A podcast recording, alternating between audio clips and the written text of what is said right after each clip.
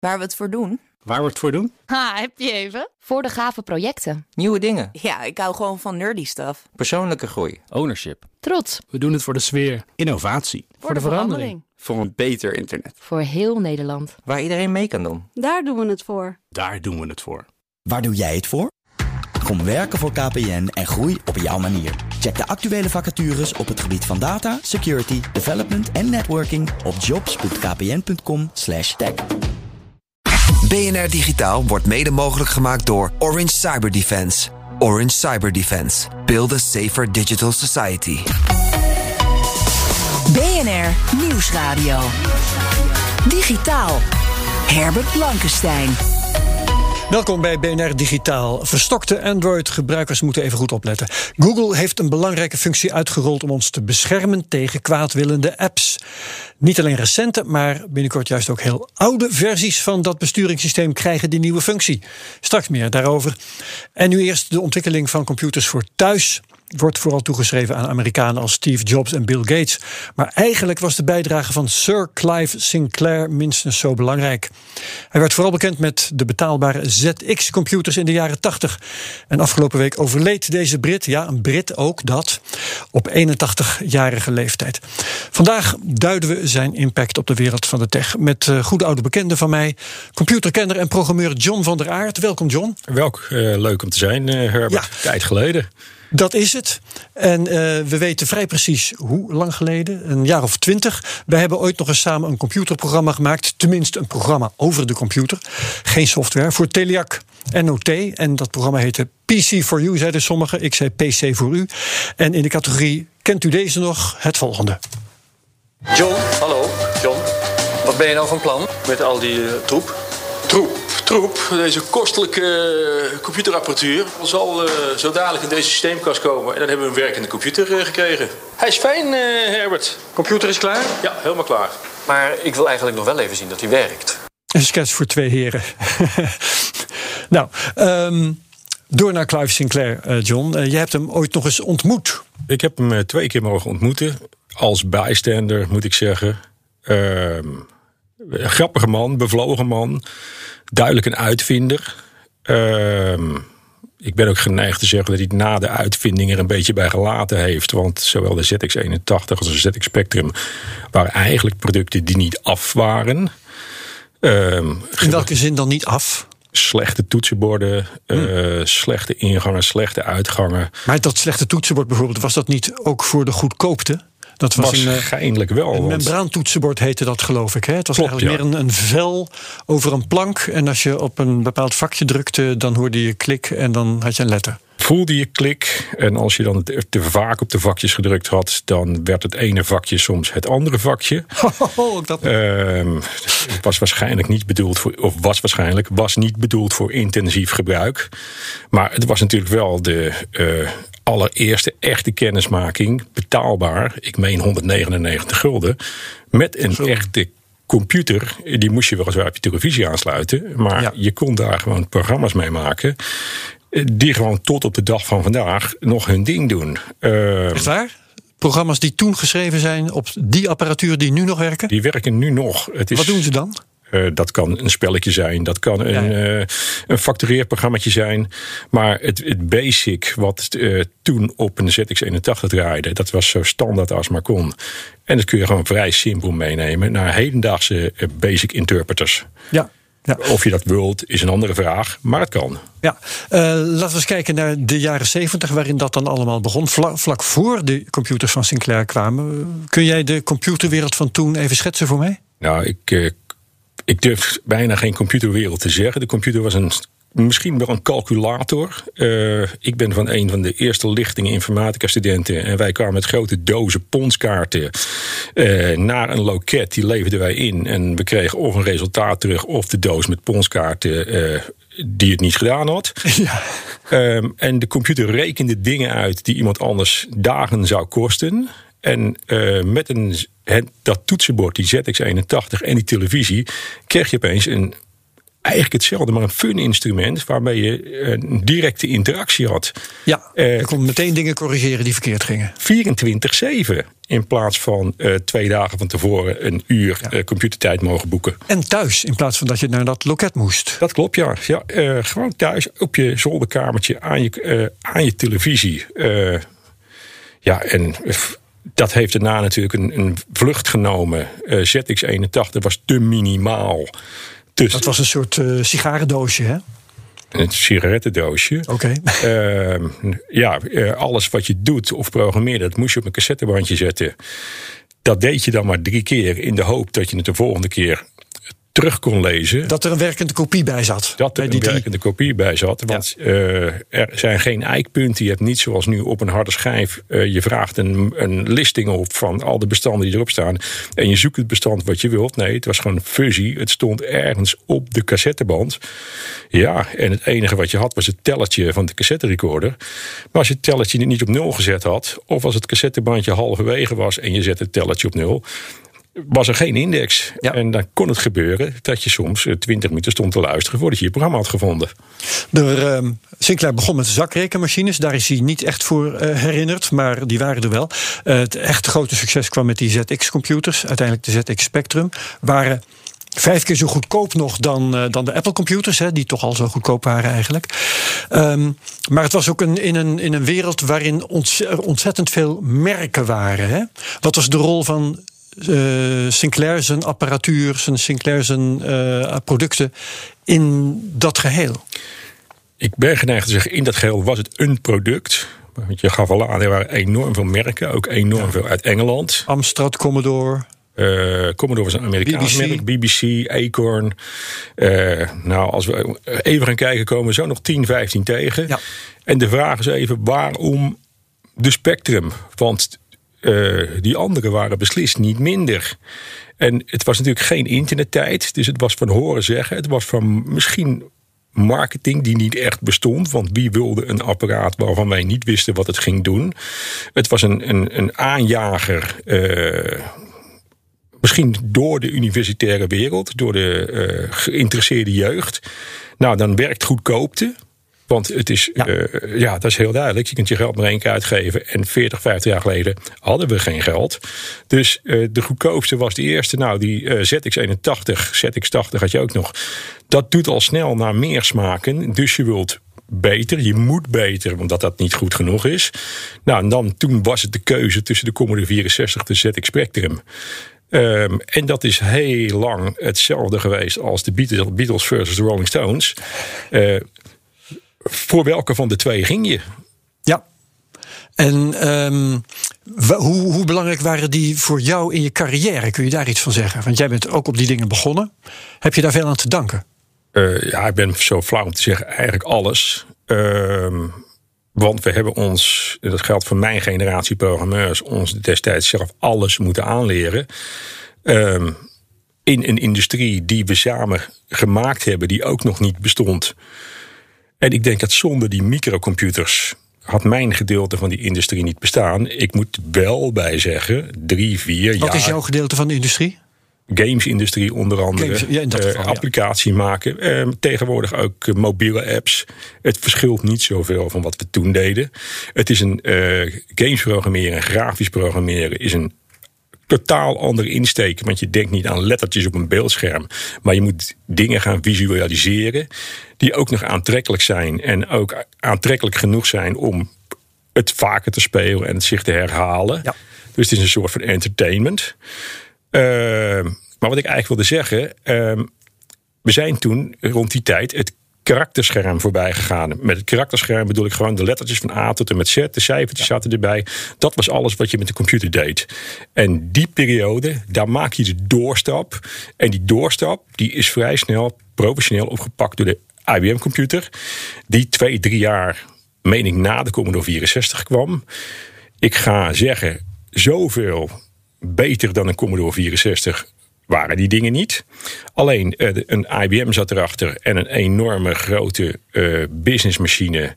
En dat is opgepakt door het bedrijfsleven. Ja. En dat is nu nog steeds in principe de standaard. En dat kun je terugvoeren op, op Clive Sinclair. Um, um, mag hij dan inderdaad in één adem worden genoemd met Bill Gates en Steve Jobs? Of was hij toch een ander type? Ik vind dat je daarmee Clive Sinclair tekort doet. Tekort zelfs? Ja, ik ervaar Steve Jobs en Bill Gates meer als marketeers, als salesman.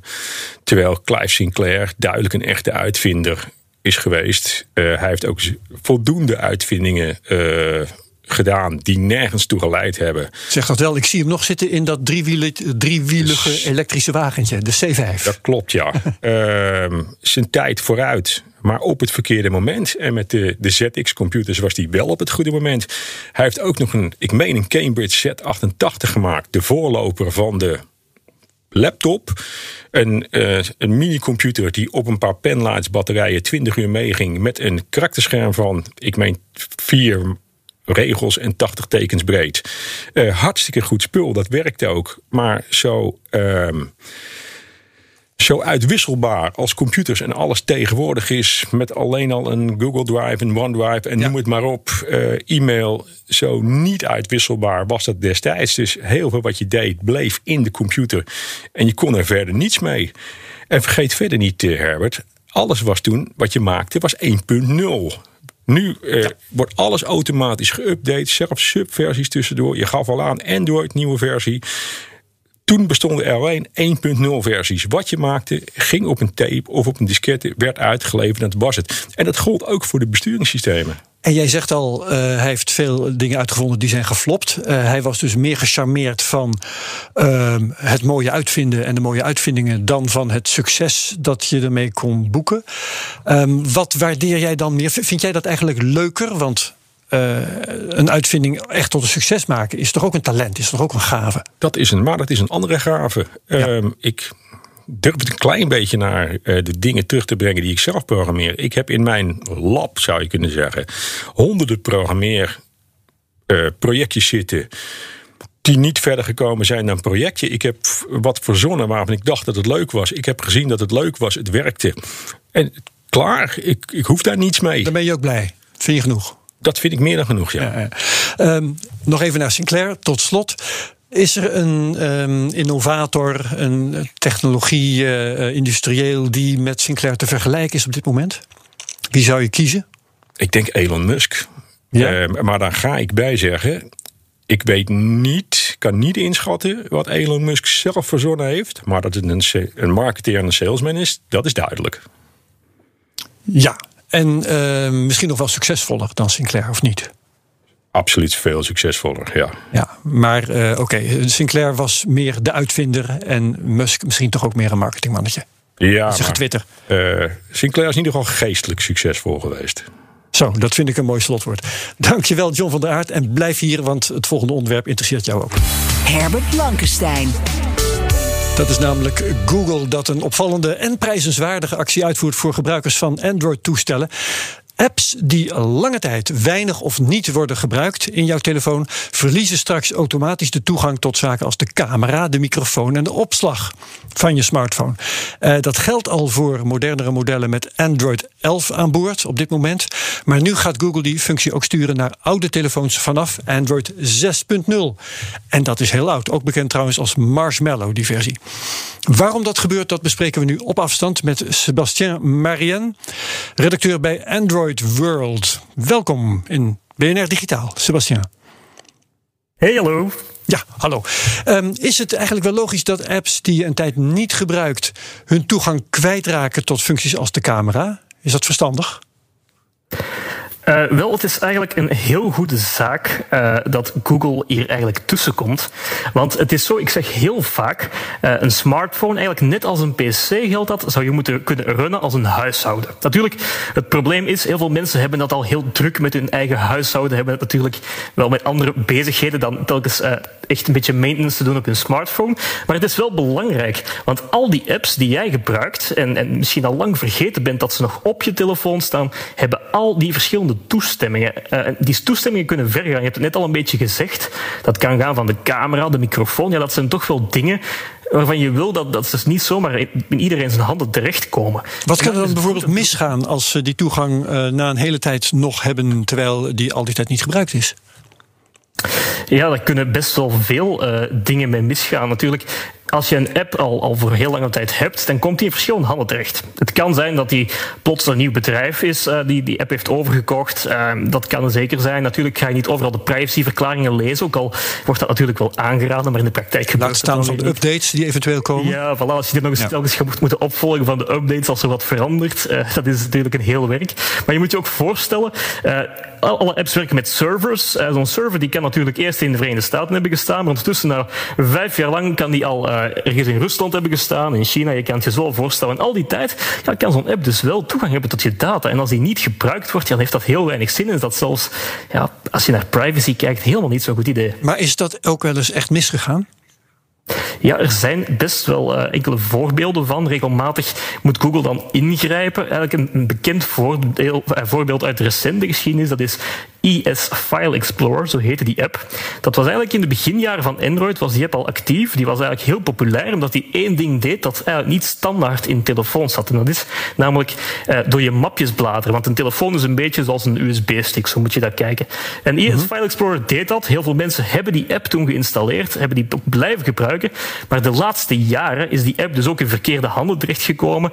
En, en kwam daar adware op, uh, op te zien eigenlijk. En adware, dat wil zeggen uh, dat je reclame ziet op allerlei plaatsen waar je het helemaal niet hoeft te zien, zoals je vergrendelscherm, al die zaken. Ja, en je wilt niet dat zo'n app nog tot je camera toegang heeft, tot je microfoon, al die ja. zaken. Dus het is heel belangrijk. Ja, John van Daart zit er ook een beetje te knikken. Dus inderdaad een reëel probleem ook voor jou? Nee, voor mij is het geen probleem. Voor jou persoonlijk maar niet. Wat er hier aan de hand is, het zijn uh, wat aangegeven wordt, de privacy-instellingen. Ja. En uh, vroeger zetten we alles maar standaard op ja en vol open. En niemand dacht erover na. En uh, met alles geld, geld voor internet, geld voor computers, geld voor telefonie. Als er gebruik wordt gemaakt, wordt er ook misbruik gemaakt. Dus gaat van jouw privacy mogelijkheden misbruik gemaakt worden. Ja, ja helder. Um, Sebastien, um, is bekend na hoeveel tijd Google de toegang van ongebruikte apps gaat beperken? Nee, helaas hebben ze nog maar enkel bij developers, dus bij ontwikkelaars zelf, aangekondigd dat het na enkele maanden zal zijn. Je moet je eigenlijk voorstellen, deze functie wordt vanaf 2020, uh, eind 2020, uitgerold uh, voor oudere toestellen tot en met Android 6 March. Dat is nu dus al gaande, bedoel je? Uh, ja, nee, vanaf december 2020 dus. Hè. Dus uh, eind dit jaar, dan wordt het uitgerold. Maar vanaf dan... Is 2021, maar oké. Okay. van enkele maanden. Moet je je voorstellen. Ja, precies. Na enkele maanden gaat dat dan al in. Ja, inderdaad, ja. ja. ja. Um, mensen die, die uh, een Android-versie vanaf 6.0 gebruiken, die zijn eigenlijk al helemaal niet meer gewend om updates uh, te krijgen. Uh, moeten ze nu dan opeens toch een update gaan downloaden? Of gaat vanzelf? Oh, nee, uh, nee, nee, het gaat eigenlijk vanzelf. Het gebeurt eigenlijk via een systeem en dat heet uh, Google Play Services. Dat is dat op elke telefoon staat, of die nu nieuw is of oud is. En Google kan gewoon op de achtergrond uh, die wijziging doorvoeren. Ja, het, het, past echt wel een beetje binnen het beleid dat Google eigenlijk meer en meer voert. Hè. Net zoals net gezegd is, privacy wordt steeds meer misbruik van gemaakt. En die big tech fabrikanten, zoals een Google, ja, die worden toch ook wel een beetje de kop van Jut. Die worden goed in de gaten gehouden. En daarom zien we ook met de wachtwoorden. Google zegt zelf dat de, het, een wachtwoord eigenlijk niet zo'n goede veilige optie meer is van de dag, vandaag de dag. Want mensen gaan hun wachtwoorden gewoon niet vervangen. Die blijven op verschillende accounts werken, die worden niet vervangen. Dus wat doet Google nu met Google Accounts? Uh, nu krijg je gewoon een kleine prompt te zien, een kleine melding. Als je probeert in te loggen met de simpele vraag: hey, was jij het die aan het inloggen was vanaf die locatie? Dan moet je zeggen ja en ben je ingelogd. Dus dat is eigenlijk veiliger zo'n verzoekje dan dat je zelf met wachtwoorden gaat werken die ja, overal gebruikt worden. Ja, maar dit is een teken dat Google die, die privacy ook voor oudere toestellen steeds belangrijker gaat vinden. En dus ingrepen pleegt die ze voorheen niet pleegden. Ja, en ik vind dat eigenlijk een heel goede zaak. En ik denk dat ze zelfs gerust nog een stukje verder daarin mogen gaan. Ja, zoals je zegt, dit was eigenlijk eerst al op Android 11 beschikbaar, maar er zijn nog veel meer andere privacy-functies ja, die ook enkel voor die recente versies zijn. Ook met die toestemmingen, die rechten waar we het nu over hebben. Mhm. Uh, bijvoorbeeld de eenmalige toestemming is een ding geworden. Dus dat je een app eenmalig de toestemming geeft tot iets. Of ja, tot de camera bijvoorbeeld. Hè? Wanneer een, ja, tot de camera, tot, tot uh, microfoon, tot uh, de opslag van je apparaat, contacten, noem maar op. Hè, al die zaken. Dus Ja. eenmalig.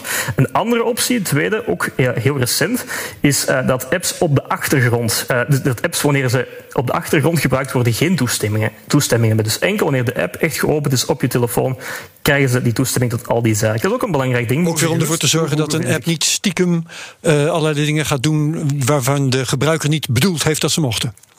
Ja, exact wat je zegt daar. Dus ja, dat zou heel goed zijn als Google zoiets ook uh, zou beschikbaar stellen, ook voor die oudere toestellen. Dat is, Ja. zeker belangrijk. Maar voor de helderheid, dat is dus een, een, niet meer nodig hebben van die, die rechten die gereset worden. Ja, ik wil graag even helder krijgen. Dat is dus een, een wens van jou en niet iets wat Google daadwerkelijk nee, aan het doen nee, is. Nee, nee, inderdaad. Nee. Ja. Ik vind dat, dat Google inderdaad nog verder erin zou mogen gaan, maar het is nog inderdaad geen ding dat effectief zal plaatsvinden. Ja. Maar het is ook logisch ergens uh, dat dit gebeurt. Je ziet ook steeds meer.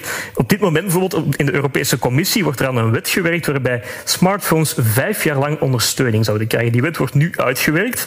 Maar als je denkt dat smartphones vijf jaar ondersteuning krijgen, dan is het logisch dat Google ook steeds meer gaat kijken naar oudere toestellen. Dus dat die ook gewoon dezelfde privacy-functies hebben, ook van beveiliging kunnen genieten. Ja, dat lijkt me een beetje in de lijn met uh, waar we naartoe aan het gaan zijn. Ja, en uh, vraag ik eens aan John van der Aert. Uh, vijf jaar is een hele tijd uh, in, in de computerwereld, ook in de smartphonewereld. Denk jij dat dat voldoende is? Uh, een periode van vijf jaar dat er geüpdate wordt? Dat is, die periode is voldoende voor vijf jaar. Maar als we nu kijken naar een aantal grote fabrikanten die een policy hebben waarbij ze elk jaar nieuwe toestellen uitbrengen, die zitten niet te wachten op vijf jaar ondersteuning. Die willen het liefst zo snel mogelijk van de ondersteuning af. Ja. Dat is alleen maar werk. Uh, om gewoon, dat is weer marketing, nieuwe toestellen te verkopen. Dus ik vind het iets te makkelijk gezegd. Ik vind het ook iets te makkelijk. Ik geloof ook niet dat een volledig Android besturingssysteem opnieuw geïnstalleerd wordt op elke smartphone waar die op draait. Ik geloof wel dat ze misschien wat Google Play Store tweaks doen, uh, waarbij ze overkoepelend wat privacy functies kunnen aansturen. Uh, en er zijn ook nog voldoende uh, Android firmwares uit de underground die geïnstalleerd zijn. Um, ger, ger, geroet. Wat gaat daarmee gebeuren? Ja, oké. Dus er zijn nog wensen genoeg uh, over. Uh, ook bij Sebastian Maria hebben we net gehoord. Hartelijk dank allebei, John van der Aert, Sebastian Maria van Android World. En dit was BNR Digitaal. Je kunt BNR Digitaal terugluisteren via bnr.nl, onze app of wat je ook maar gebruikt voor je podcast. En dan vind je ook mijn andere podcasts, de Cryptocast, de Technoloog en Space Cowboys over ruimtevaart. Wat BNR Digitaal betreft, heel graag tot volgende week. Dag. BNR Digitaal wordt mede mogelijk gemaakt door Orange Cyber Defense. Orange Cyber Defense. Build a safer digital society. Ook Hugo Reitsma vind je in de BNR-app. Superhandig die BNR-app. Je kunt alle programma's live luisteren, breaking nieuwsmeldingen. Je blijft op de hoogte van het laatste zakelijke nieuws. En je vindt er alle BNR-podcasts, waaronder natuurlijk de belangrijkste, Boeken zijn in de wijk. Download nu de gratis BNR-app en blijf scherp.